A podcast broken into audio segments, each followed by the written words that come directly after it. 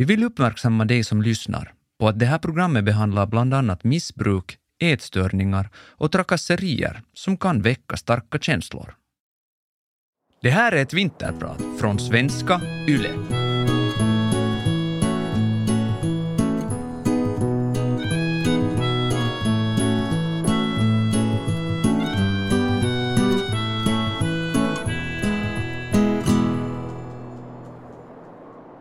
Har stått på scen hela mitt liv.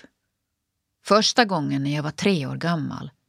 Först som sångerska och sen som violinist. I 20 år uppträdde jag i Finland och på turnéer runt om i världen som klassisk musiker. Jag hade alltså redan en lång karriär bakom mig när jag började få uppmärksamhet som modell och popartist.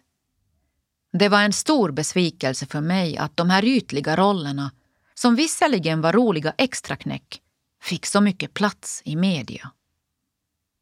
Allt det jag gjort innan var helt ointressant.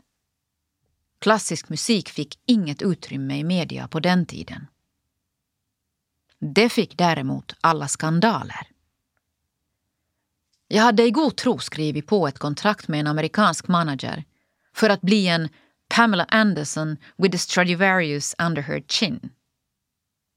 Men jag skulle aldrig få min andel av dealen. Och det var tanken hela tiden. Det var ett smutsigt spel. Dessutom lockade en känd skvallerjournalist in mig i en numera ökänd miljardärs käftar. Och där började en kamp som fick mig att vilja avsluta mitt liv.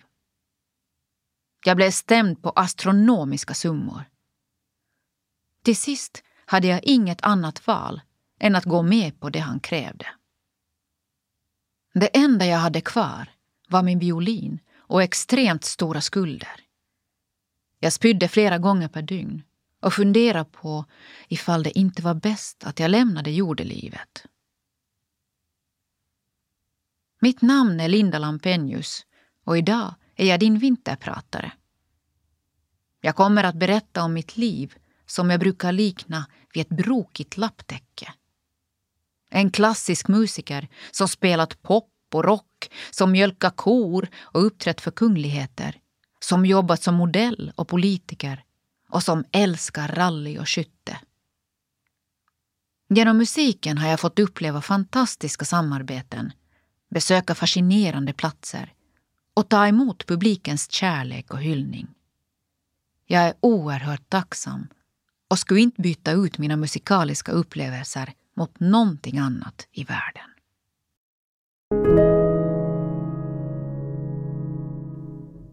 Mitt liv har varit fyllt av musik och fantastiska upplevelser.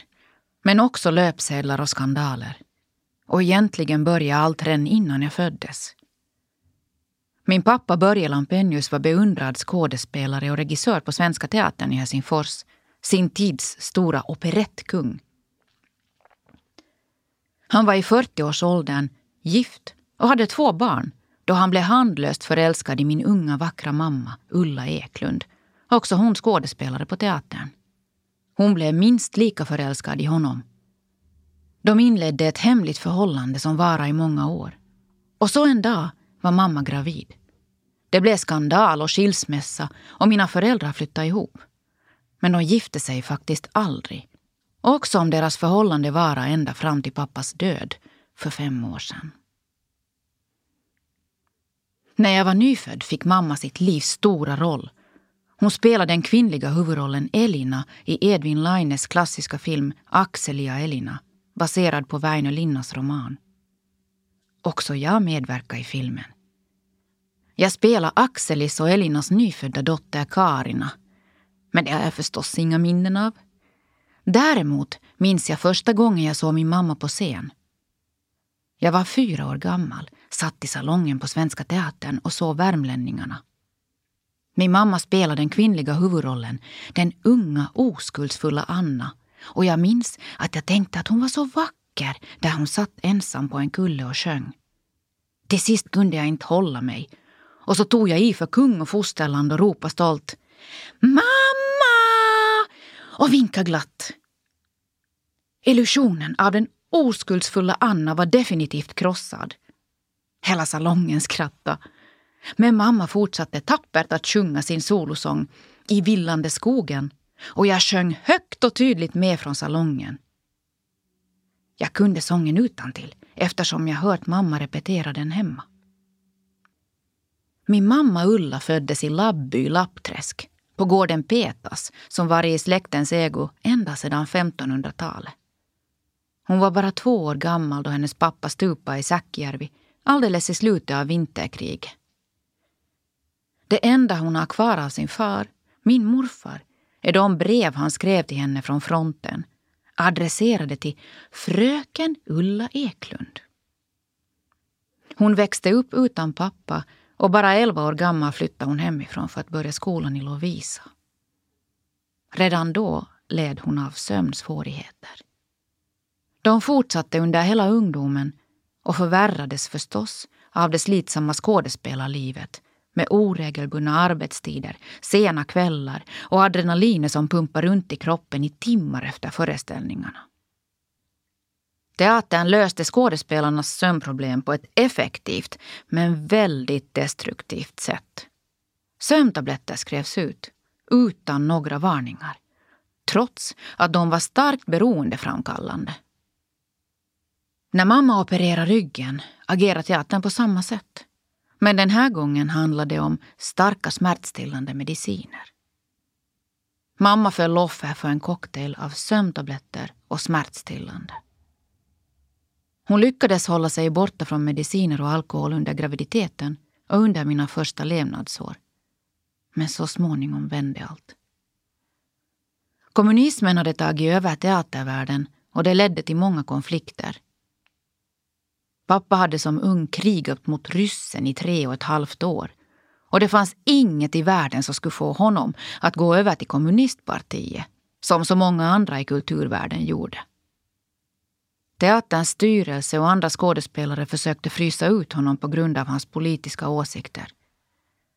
Mamma började periodvis ta sömntabletter och alkohol för att kunna sova och glömma alla problem.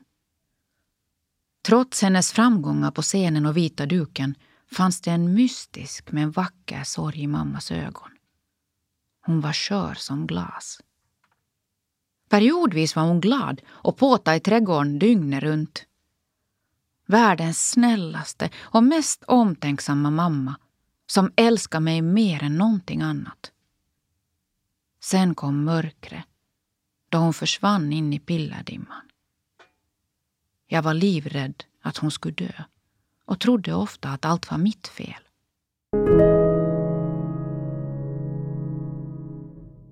Pappas kärlek till teatern, konsten och skapande fascinerar mig. Han letar ständigt efter nya utmaningar. Jag ville leva ett likadant liv. Börje Lampenius föddes år 1921 och skulle alltså ha fyllt 100 år i år. Riktigt så gammal blev han inte, men jag är överlycklig för att vi fick ha honom med oss så många år. Pappa var min förebild. Han var också den kloka, glada, skojiga pappan med en stor och varm famn. Han utstrålade en positiv värme som smittade av sig. Han berättade historier för både stora och små, alltid med otrolig inlevelse och glimten i ögat. Hans fantasi hade inga gränser. Och inte hans förmåga och lust att jobba heller. Svenska Teatern var pappas hem.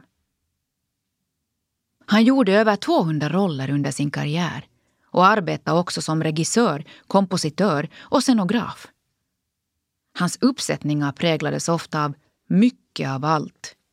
Men varje liten detalj skulle vara genomtänkt och perfekt. Han tog gärna tag i projekt som verkar fullständigt ogenomförbara. De svåraste utmaningarna gav honom allra mest energi. Som yngling gav han tre och ett halvt år av sitt liv i fronten för att försvara vårt land.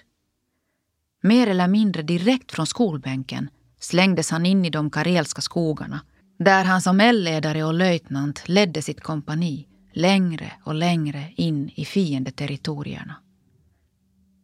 I likhet med de flesta andra unga män upplevde han hemska saker. Han såg sina vänner explodera. Han såg händer, fötter och kroppsdelar som låg utspridda på marken och som hängde i träden. Pappa berättade om hungern, kylan, rädslan och skräcken. Men också om brödraskapet, den innerliga vänskapen och om hur viktiga alla små glädjeämnen blev. Eftersom pappa sjöng, spelade piano, dragspel och violin underhöll han soldaterna så fort de hittade övergivna instrument. I likhet med många andra män i hans generation hade han svårt att tala om problem. Men han pratade ständigt på om andra vardagliga saker. Saker som fick mig att glömma allt som var svårt. Och han sa ständigt att allt kommer att bli bra. Och han hade ju rätt. Också om det skulle ta många, många år. Tidigt lärde jag mig att mammas sjukdom var en familjeangelägenhet. Någonting vi inte pratade om med de andra. Inte ens med våra släktingar. En enda av mina vänner visste sanningen. Min bästa vän Pia, som snabbt hade blivit en del av vår familj. Hon såg det mesta, men vi pratade sällan om det. Jag hade inga problem med att vara tyst. Jag skämdes ju och gjorde allt jag kunde för att få allt att se normalt ut. Pappa hade sagt att vi inte skulle säga något eftersom han var säker på att vi själva kunde fixa problemet inom familjen. Det enda som behövdes var att mamma skulle hamna längst ner på botten.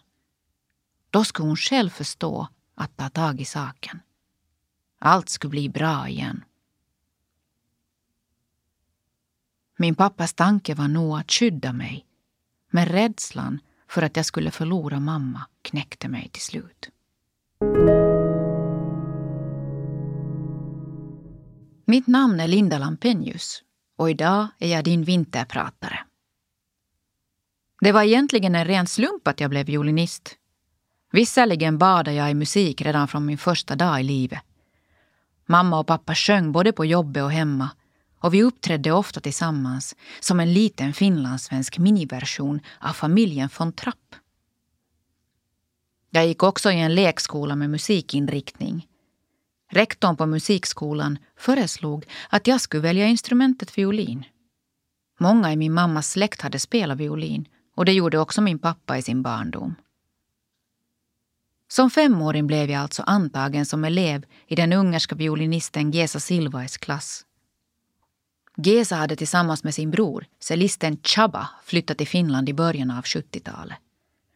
Båda hade inom kort blivit eftertraktade lärare. Bröderna Silva hade utvecklat en inlärningsmetod som de kallar Color Strings Method. Utöver privatlektionerna gick jag på grupplektioner tillsammans med Gesas andra elever. Från första början musicerade vi i stämmor genom att både sjunga och spela violin, vilket innebar att vi lärde oss att höra harmonierna inom oss. Vi fick en helt annan uppfattning om harmonier och samspel än de elever som alltid var ensamma med sitt instrument och sin lärare. Gesa la stor vikt vid perfekt intonation och rytmik redan i ett tidigt skede. För att kunna bli klassisk yrkesmusiker senare i livet måste man öva upp hjärnan, nervbanorna och motoriken tidigt i barndomen. Allt man gör registreras av hjärnan. Tyvärr även det som är fel. Vi tvingades lära oss att ha tålamod, vilket inte alltid är lätt när man är ett litet barn. Bröderna Silvaes metod var lysande och fick stor uppmärksamhet.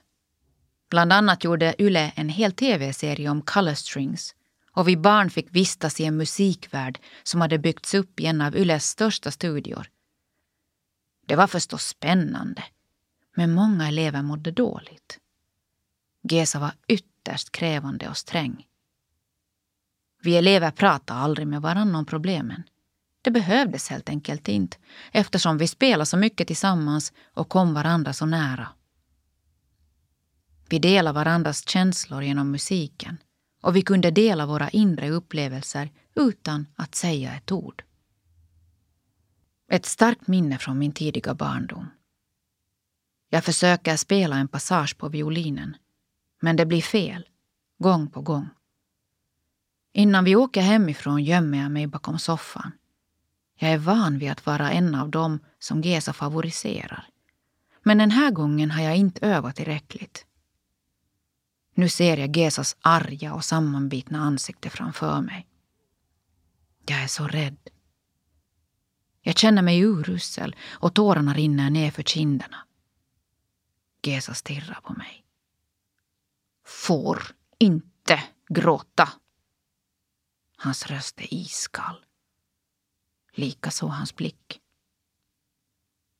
Jag tvingar mig att stänga av känslorna. Jag måste bli hård. Jag ska aldrig mer gråta. Som åttaåring antas jag i Helsinki Junior Strings, en av världens bästa ungdomsorkestrar, där de andra medlemmarna är mellan 11 och 15 år gamla. Det är verkligen smickrande, men samtidigt skrämmande. Jag måste prestera på samma nivå som tonåringarna som redan har flera studieår på nacken. Att spela falskt eller i otakt är otänkbart. Jag är väl medveten om att en orkester bara är lika bra som den sämsta individen. Ingen vill vara sämst. Ingen. Tillsammans med Helsinki Junior Strings åkte jag på långa turnéer ut i världen. Min första turné med orkestern gick till USA och Kanada, dit mamma följde med. Det var underbart. Jag såg skyskrapor och åt mitt livs första hamburgare. Bara elva år gammal åkte jag för första gången iväg utan mamma. Jag satt ensam på hotellrummet i Tokyo och grät mig till sömns om kvällarna. Kvinnan som skulle ta hand om mig lämnade mig och gick ut i nattvimle. Men när vi spelade tillsammans glömde jag allt och kände mig lycklig. När jag övade gick jag in i musiken och kunde stanna där i timmar. Öva och öva och öva tills jag kunde allt till perfektion. Om Gesa var en sträng lärare var det ändå ingenting jämfört med hur sträng jag var mot mig själv. Musiken gav mig trygghet och vila. Men också en känsla av att jag hade kontroll. Genom att vara sträng och krävande mot mig själv, öva, öva och öva, lärde jag mig behärska livet. Jag övade sju dagar i veckan, flera timmar om dagen. Ensam och i grupp. Jag utsågs till konsertmästare för ungdomsorkestern, uppträdde och turnerade med den. Hemma var livet periodvis kaotiskt. När jag kom upp i tonåren behövde jag ännu tydligare känna att jag hade kontroll över mitt liv. Jag började kontrollera min kropp, träna maniskt och lät ofta bli att äta. Jag förstod inte själv, men jag utvecklade svåra ätstörningar. Jag undvek mat och blev expert på att pilla i maten. Jag ville ju att det skulle se ut som om jag åt. Jag sköt runt maten på tallriken och tryckte sen ihop den i två högar. Mina skolkamrater verkar inte märka något, inte lärarna heller. Jag hade listor med vad jag fick äta och vad jag absolut inte fick äta. Mest blev det salladsblad och gröna äpplen. Ibland ingenting annat än det. Jane Fonda ger ut en träningsbok med tillhörande LP-skiva. Boken blir min bibel. Jag sätter på skivan och slår upp boken på det avsnitt där det mest avancerade träningsprogrammet beskrivs. Det vore ju dumt att välja nybörjarprogrammet. Jag följer Fondas träningsprogram slaviskt och kryddar träningen med 10 kilometer långa joggingpass. Ofta med vikter runt fotlederna. Jag älskar känslan av kontroll. Jag kan kontrollera min musikaliska karriär genom övning. Nu har jag dessutom märkt att jag kan kontrollera siffrorna på vågen genom att ha full kontroll över min träning och hur mycket jag äter. Jag känner mig stark. Det har gått fort och lätt att bli en duktig långdistanslöpare. Men nu vill jag utmana mig själv ännu mer. Jag ställer in en konditionscykel i mitt rum. Det här är ett perfekt komplement till joggingturerna. En timme framför MTV bara flyger förbi. Men även det här börjar kännas för lätt. Jag måste göra träningen tyngre. Jag får en idé. Jag springer upp och ner för trapporna i vårt tvåvåningshus. Upp och ner och upp och ner och upp och ner. Alltid hundra gånger. Rytmen i stegen måste vara densamma när jag gör det för hundrade gången som när jag börjar. Jag ger aldrig upp förrän jag nått mitt mål. Jag är väldigt rädd för att känna mig lat eller för att samla fett på kroppen. Nätterna är problematiska. Jag har upptäckt att jag i sömnen ofta vänder mig på höger sida. Jag oroar mig för att det kommer att leda till att fettet rinner neråt och fastnar på höger höftben. Jag kanske kommer att bli större på höger sida än på vänster. Det enda jag kan göra är att ligga på vänster sida och hålla mig vaken så länge som möjligt. Då kanske det kompenserar för de sovande timmarna då jag ligger på höger sida. Jag märker att ju mer jag går ner i vikt, desto säkrare kan jag vara på att inte få mens. Att få mens är det obehagligaste jag varit med om i hela mitt liv. Så fruktansvärt äckligt. Innerst inne är jag rädd för förändring. Skolan och mina violinstudier har styrt mitt liv. De är byggstenarna som håller ihop mitt liv. Jag är rädd för det vuxna livet. För att behöva ta ansvar för allt jag gör. Som vuxen måste man vara stark. Livet är ju mycket enklare och tryggare utan eländet. Jag ser verkligen inget skäl till att sluta svälta mig själv eller träna mindre. Min bästa vän Pia ger mig en bok som heter Annars dör man. Den handlar tydligen om en flicka som har anorexi. Jag förstår inte varför Pia ger mig en så sorglig bok, men jag lovar att läsa den. Mamma oroar sig också över min vikt och säger att jag har blivit för mager. Har du ätit idag? frågar hon varje eftermiddag när hon kommer hem från teatern. Hon retar gallfeber på mig. Klart att jag har ätit. Jag åt ju i skolan, fräser jag tillbaks. Jag ljuger. Jag vet varför jag ljuger. Men jag förvånas över att jag kan göra något så hemskt som att ljuga för mamma.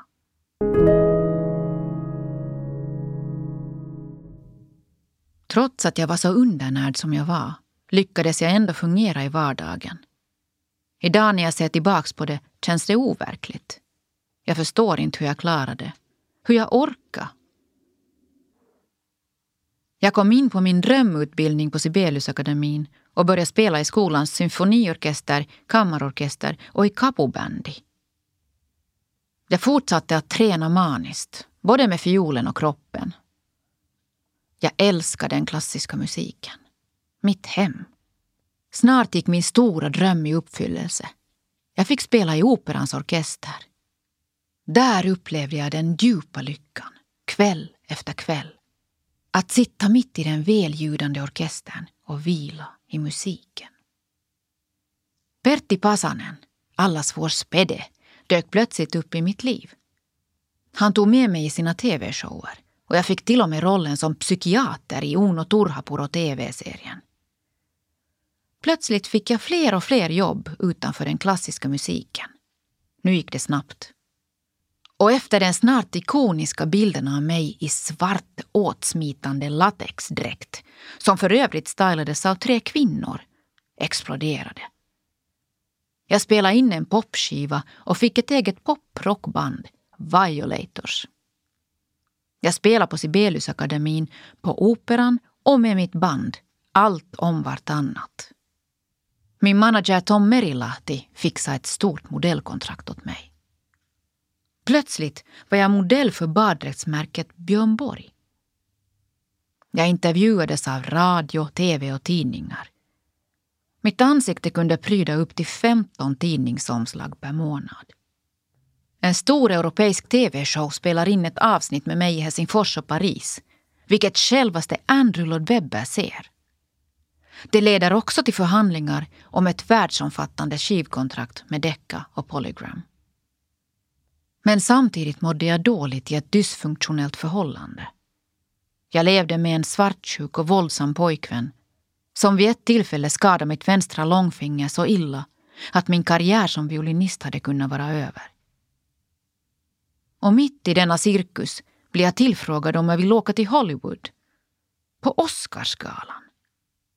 En finsk skvallerjournalist som jobbar för tidningen Seura sa att tidningen skulle stå för resor och boende och inträde till själva galan mot att de fick mig på omslaget av tidningen.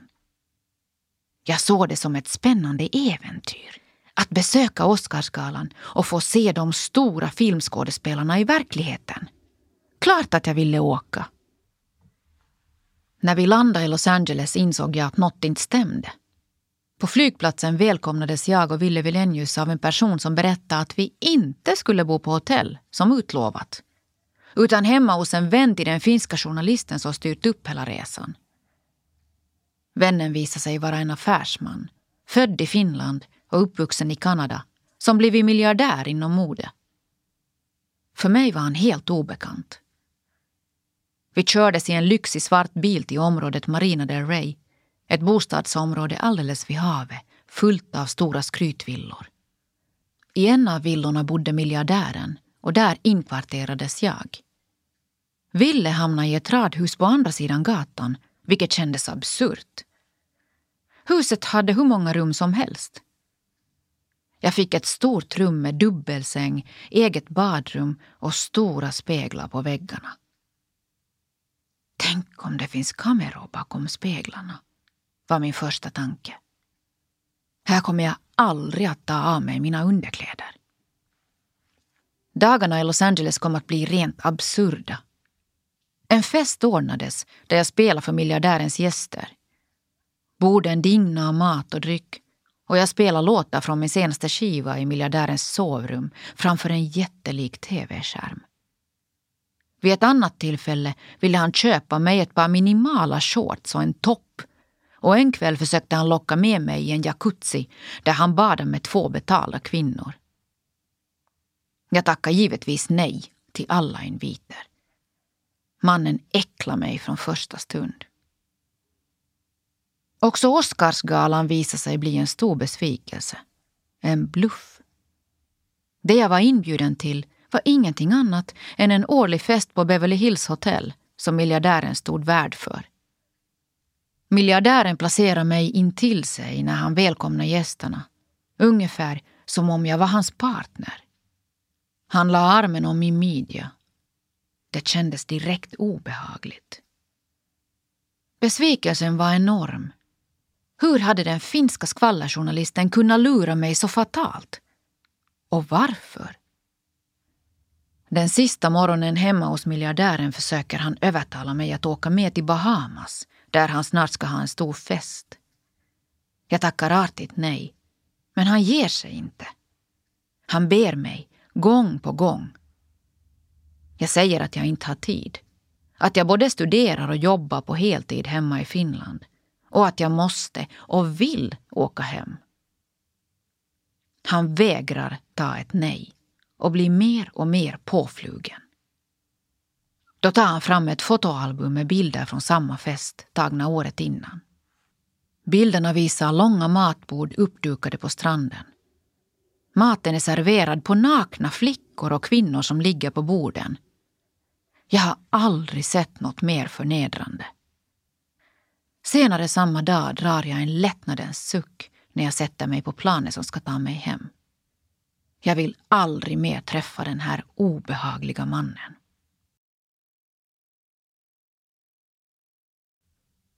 Det gick två år. Under den tiden hann jag lansera Linda-sidor, flytta till USA, gästspela i tv-serierna Fame LA och Baywatch, finnas på Playboys omslag, bli god vän med Hugh Hefner, eller han blev mer än en vän. Jag hade fått en andra fadersfigur. Jag turnerade världen över, spelade in skivor, åkte av och an mellan USA och Europa. Det jag inte visste under de här två åren var att managementbolaget som jag blivit tvungen att stämma för att de inte betalade mig för mina utförda jobb var delägt av den obehagliga miljardären. Jag hade börjat må dåligt på grund av näringsbrist och allt trubbel som mitt management ställt till med. Mamma var mitt stora stöd och reste till mig när jag behövde henne. Hon var hos mig i mitt hem i London den dagen det ringde på dörren och jag fick veta att jag blivit stämd. Jag stod själv i duschen när mamma öppnade och tog emot brevet. Miljardären straffade mig för att jag stämt managementbolaget han delvis ägde och för att jag varnat andra kvinnor för honom. Jag ser summan. 10 miljoner dollar.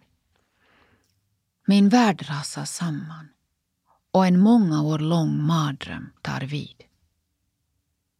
Miljardärens advokater bombarderar mig med frågor och kräver att jag omedelbart svarar via min advokat. Mina föräldrar är förtvivlade och sorgsna. Vi mår alla väldigt dåligt.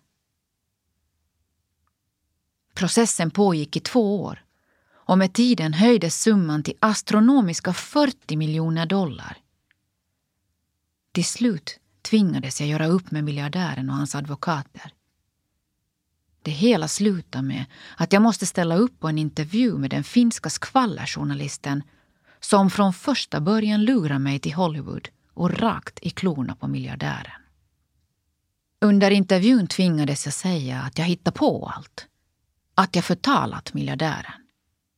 Utöver det tvingades jag köpa en helsidesannons i samma tidning där jag måste publicera en text full med lögner dikterad av miljardären. Med samma budskap. Han är oskyldig. Allt är påhittat av mig. Jag hade inget val. Processen tog nästan knäcken på mig och på mina kära föräldrar. Och pengarna var definitivt slut. Det kändes fruktansvärt att låtsas att jag ljugit. Förnedrande är bara förnamnet. Stämningen lades ner och jag var en fri kvinna. Men dessvärre fast under bulimidjävulen. Dagligen köpte jag hem stora mängder onyttigheter som jag åt och kräktes upp. Hela mitt liv kretsar kring det här. Att äta, kräkas, sopa igen spåren, dölja alla misstankar. Få allt att se normalt ut. Medan karriären fortsatte. Jag mådde sämre än någonsin. Bulimidjävulen höll mig i sitt grepp i många, långa år. Ångesten försvann bara när jag spelade på min violin. Då kunde jag glömma allt det onda i mitt liv. Jag kunde glömma allt det som miljardären och managern hade gjort mot mig. Tröst fick jag av maten som var min vän. Men bara för ett kort ögonblick. I nästa stund var jag tillbaks i helvetet. Jag hetsåt och kräktes om och om igen, timme efter timme. Varje gång jag såg mitt svullna tryne i spegeln sa jag till mig att det här var sista gången. Aldrig mer skulle jag ge efter för bulimidjävulen. Men han vann alltid. Inte ens flytten till lilla trygga Sverige kunde hjälpa mig att bryta den onda cirkeln. Mitt tillstånd blev bara värre och värre för varje år som gick. Den 8 december 2006 vände allt. Jag träffade min älskade man, Martin Kullberg. Redan under vårt första möte fick han mig att öppna upp och vara fullständigt ärlig med hur jag mådde. Allt bubblade ur mig och jag berättade om bulimidjävulen som hållit mig i sitt obarmhärtiga grepp i många år. Martin lovade att hjälpa mig. Och det gjorde han. Genom att alltid finnas där och ge mig stöd. Men framför allt genom att få mig att slippa mina skamkänslor.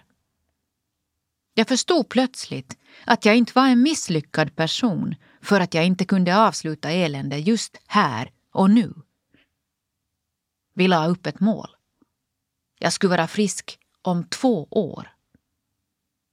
Tack vare Martins stöd och villkorslösa kärlek var jag frisk och fri från bulimin ett år och tre månader senare. Martin har dessutom skänkt mig det finaste jag har. Våra två döttrar, Olivia och Cecilia. Att vara mamma är det absolut bästa i mitt liv. Det har varit helande på så många sätt. En avgörande vändpunkt i mitt liv kom också genom metoo-rörelsen.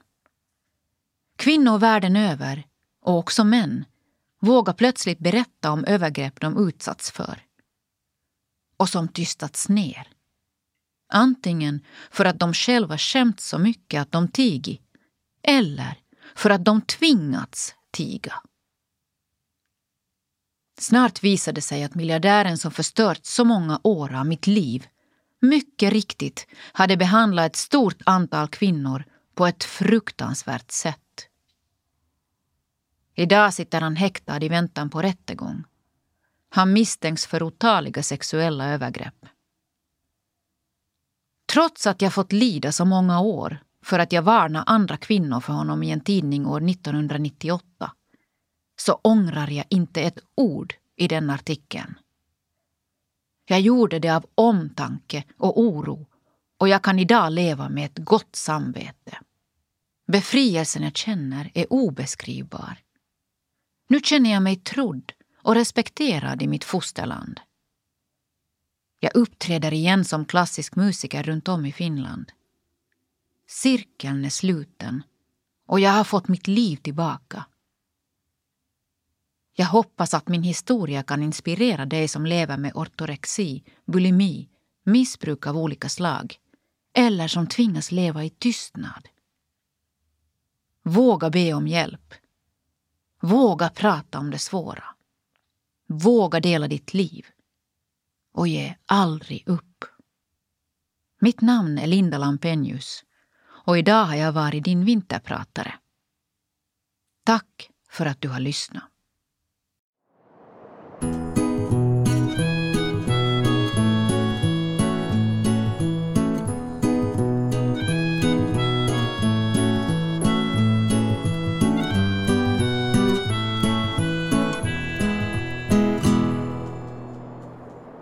Du har lyssnat på Vegas vinterpratare med Linda Lampenius. Redaktör Thomas Lundin. Vegas vinterpratare görs av Paradmedia för svenska YLE.